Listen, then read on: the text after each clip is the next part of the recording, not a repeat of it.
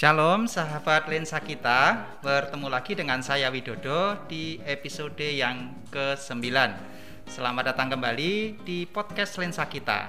Ini adalah podcast singkat di mana kita akan membahas tema-tema yang menarik dan tentunya relevan dari berbagai sudut pandang. Masih di edisi ulang tahun gereja GKMI Solo yang ke-37 pada episode kali ini kita juga akan berbincang-bincang dengan bintang tamu. Beliau adalah seorang majelis gereja masih muda, semangat luar biasa di dalam melayani.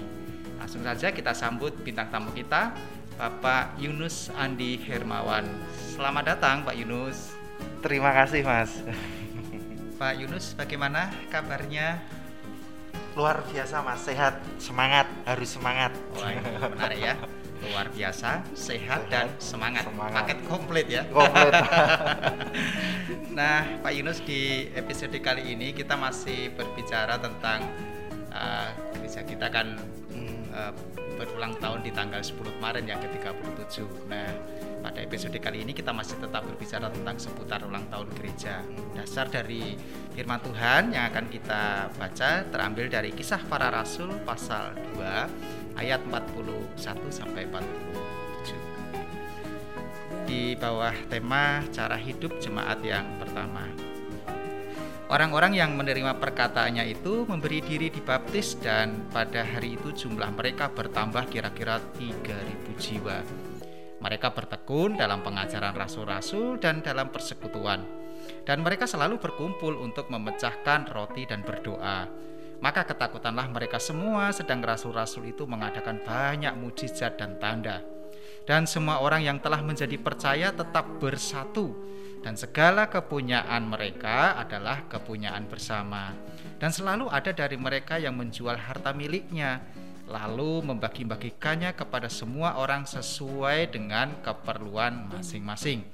Dengan bertekun dan dengan sehati, mereka berkumpul tiap-tiap hari dalam bait Allah.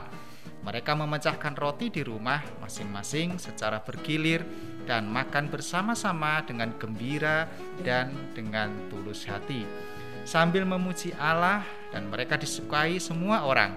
Dan tiap-tiap hari Tuhan menambah jumlah mereka dengan orang yang diselamatkan. Nah, Pak Yunus ini tadi firman Tuhan yang menjadi dasar dalam uh, pembicaraan kita pada episode kali ini. Menurut Pak Yunus ini setelah mendengar ayat ini kan Pak Yunus mendengar kan karena saya yeah. membaca ya. Artinya berarti setelah mendengar itu uh, tanggapan Pak Yunus atau respon secara pribadi gimana Pak tentang ayat ini? Ya mengenai ayat tersebut sesuatu hal yang keren ya ah. jemaat mula-mula mengajarkan hal-hal yang positif-positif hmm. yang disampaikan di uh, nats tersebut uh, banyak hal-hal positif hmm. dan hal-hal positif itu ya sekiranya bisa menjadikan semangat bagi kita hmm. Hmm. Ya, tekun hmm. pengajaran hmm. uh, persekutuan hmm. ya persatuan dan hmm. tadi disampaikan juga sehati dan sejiwa hmm. kemudian di situ juga ada saling berbagi. Hmm. Ya, menurut saya itu hal-hal yang energi yang positif hmm. untuk kita menjadikan sesuatu apa ya sesuatu masukan bagi kita. Hmm, jadi ada ketekunan, hmm, semangat, semangat, kesehatian, gitu ya pak ya. Nah itu yang yang apa yang yang bisa kita lihat dari cara hidup jemaat yang pertama ya. Nah Pak Yunus kalau kita baca dari uh, perikop tadi, kira-kira ini kita kan berbicara tentang konteks sekarang ya hmm. untuk gereja di era modern ini, hmm. terutama di komunitas GKMI Solo yang sudah berusia 37 tahun. 37 nah, tahun. adakah hal-hal yang bisa kita teladani atau kita contoh kita lakukan dalam bergereja sehingga gereja kita itu betul-betul menjadi gereja yang tangguh ya dan bertumbuh tentunya. ya saya rasa hal-hal tersebut untuk kita jadikan teladan itu memang banyak ya. Mm -hmm. Termasuk rasa Handar Beni hmm, apa rasa saling memiliki oh, iya, saling mem, rasa saling memiliki gereja uh -huh, uh -huh. bagaimana kita bisa menjadikan gereja itu menjadi sebuah hal yang bagus hal yang positif hmm. untuk pengabaran Injil untuk menjadi berkat bagi sekeliling, bagi sekitar. Menurut saya itu. Hmm. Uh, jadi persatuan yang kuat dalam membangun gereja, membangun pertumbuhan gereja. Hmm. Ya menurut saya itu hal yang bagus untuk menjadi teladan bagi kita. Jadi rasa memiliki atau hmm. kalau Pak tadi sampaikan rasa handerbeni ya, itu yang betul. harusnya tetap kita kembangkan bahwa hmm. gereja itu adalah rumah kita bersama rumah gitu ya, kita tempat bersama. kita hmm. bertumbuh gitu tempat ya. Tempat kita bertumbuh. Jadi gereja itu bukan hanya milik seseorang, memilih hmm. mungkin kalau sekarang ya milik majelis atau milik pendeta ya. Tapi ini milik kita bersama. Milik kita bersama Jadi itu yang bertumbuh atau tidak ya tanggung jawab bersama Betul, ya. Betul, bersama. Kita mau tumbuh apa mau tidak tumbuh itu tergantung kerja bersama. Ya, ya, ini ya menarik sekali ya. Hmm. Seperti jemaat yang pertama mereka juga ada rasa memiliki ya. Betul. Bahkan mereka berbagi satu dengan yang lain hmm. itu karena wujud saling memiliki tadi. Saling ya. memiliki. Ya. Jadi menarik sekali dan sangat masih relevan kalau kita lakukan di era modern sekarang hmm. ini.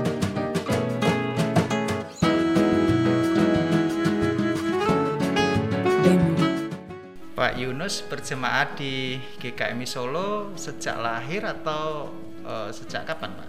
Saya berjemaat di GKMI Solo sejak menikah, setelah menikah. Oh. Jadi saya menikah tahun 2009, hmm. kemudian awal-awal itu saya di Jogja. Hmm.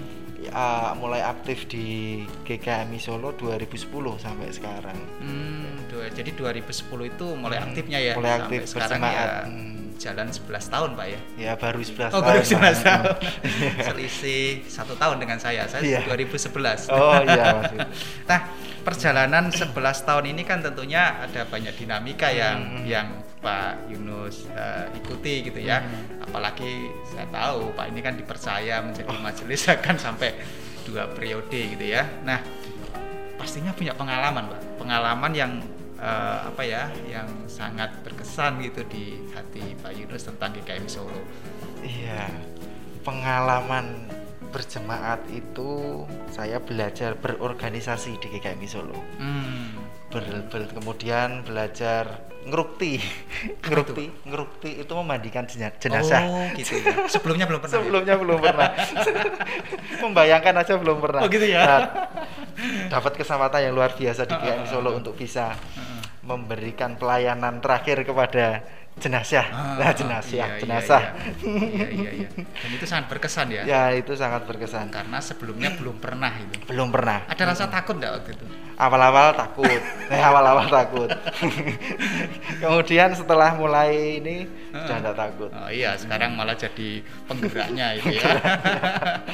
Sama ini ketika dulu saya menikah. Hmm. Saya kan uh, di gereja Solo baru baru ya istilahnya ndak anu lah ndak banyak yang tahu mm -hmm. Dan ketika saya menikah itu ada apa ya uh, rasa perhatian dari gereja itu uh, dalam banget mm -hmm. dalam banget jadi ketika mau menikah bagaimana ini mm -hmm. uh, apa namanya suasananya nanti apa pas hmm. di itu oh. pas pemberkatan oh dekorasinya dekorasinya gitu ya, ya oh, dekorasi nuansa apa itu. gitu ya iya nuansa apa uh, sampai segitunya gitu loh. Ya, memperhatikan ya, ya, ya. nggak pernah terpikirkan nggak pernah ya. terpikirkan. Ya. gimana nanti mobilnya sudah ada apa belum? Nanti disiapkan sekalian dari sini. keren. Luar biasa ya, ya. dan itu teringat terus ya pak ya? teringat terus. Oke, oke, oke, menarik sekali. Ternyata pak Yunus punya pengalaman yang tidak terlupakan. Tidak terlupakan. Dan pasti nanti akan ada pengalaman-pengalaman lain lagi ya yang lebih menarik. Oke 10 tahun Pak Yunus berjemaat di GKMI Solo tentunya sudah bisa melihat sih, maksud saya hmm. bisa melihat apa sih kekuatan yang dimiliki oleh GKMI Solo menurut Pak Yunus. Hmm. Yang saya lihat itu uh, berada di lokasi yang strategis, hmm. berada di lokasi masyarakat yang majemuk, majemuk yeah, iya. secara yeah. sosial, secara ekonomi juga, hmm. secara keyakinan. Hmm. Nah, itu menjadi peluang yang bagus untuk gereja GKMI Solo ini semakin mengabarkan Injil. Hmm. Semakin mengabarkan sukacita, berita hmm. sukacita kepada sekitar gereja, sekitar jemaat. Begitu. Jadi menurut Pak Yunus itu kekuatannya ada pada letak geografis gereja Betul. ya. Hmm. Nah, itu yang sangat strategis untuk kita bisa mengembangkan pelayanan secara holistik tentunya ya. Betul. Hmm. Nah, tentunya di usia ke-37 tahun ini Pak Yunus uh, punya harapan hmm. atau kerinduan bagi secara khusus untuk GKMI Solo.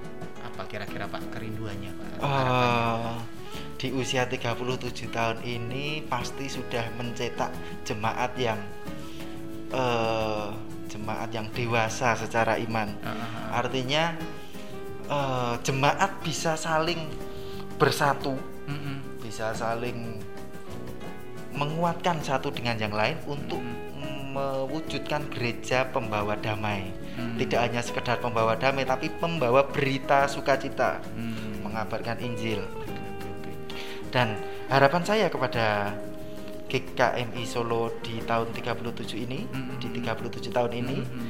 uh, semakin menyatakan tiga tugas gereja itu itu mm. jadi uh, bersekutu bersaksi yeah. melayani itu semakin dinyatakan semakin uh-huh nampak oh. jadi orang melihat itu wah ada bedanya wah ini orang Kristen yeah, yeah. wah ini orang GKMI Solo wah yeah, oke okay, yeah, saya mau bertobat yeah. nah, saya pikir seperti itu yeah. bersekutu saling menguatkan satu dengan yeah. yang lain jemaat-jemaat bisa saling menguatkan ketika sedang ada masalah, sedang ada persoalan, juga bersaksi mengebarkan kabar baik tadi melalui gereja, uh -huh. Juga melayani, uh -huh. nah, hadir di tengah-tengah masyarakat uh -huh. sebagai apa ya bentuk pengabdian kepada Allah ah, memujuk okay. nyatakan dalam masyarakat. Iya iya. Jadi saya harapan Pak Yunus gereja yang semakin dewasa mm-hmm. dan melakukan tritu apa tritugas gereja Tiga tadi ya. Gereja, betul. Iya. Mm-hmm.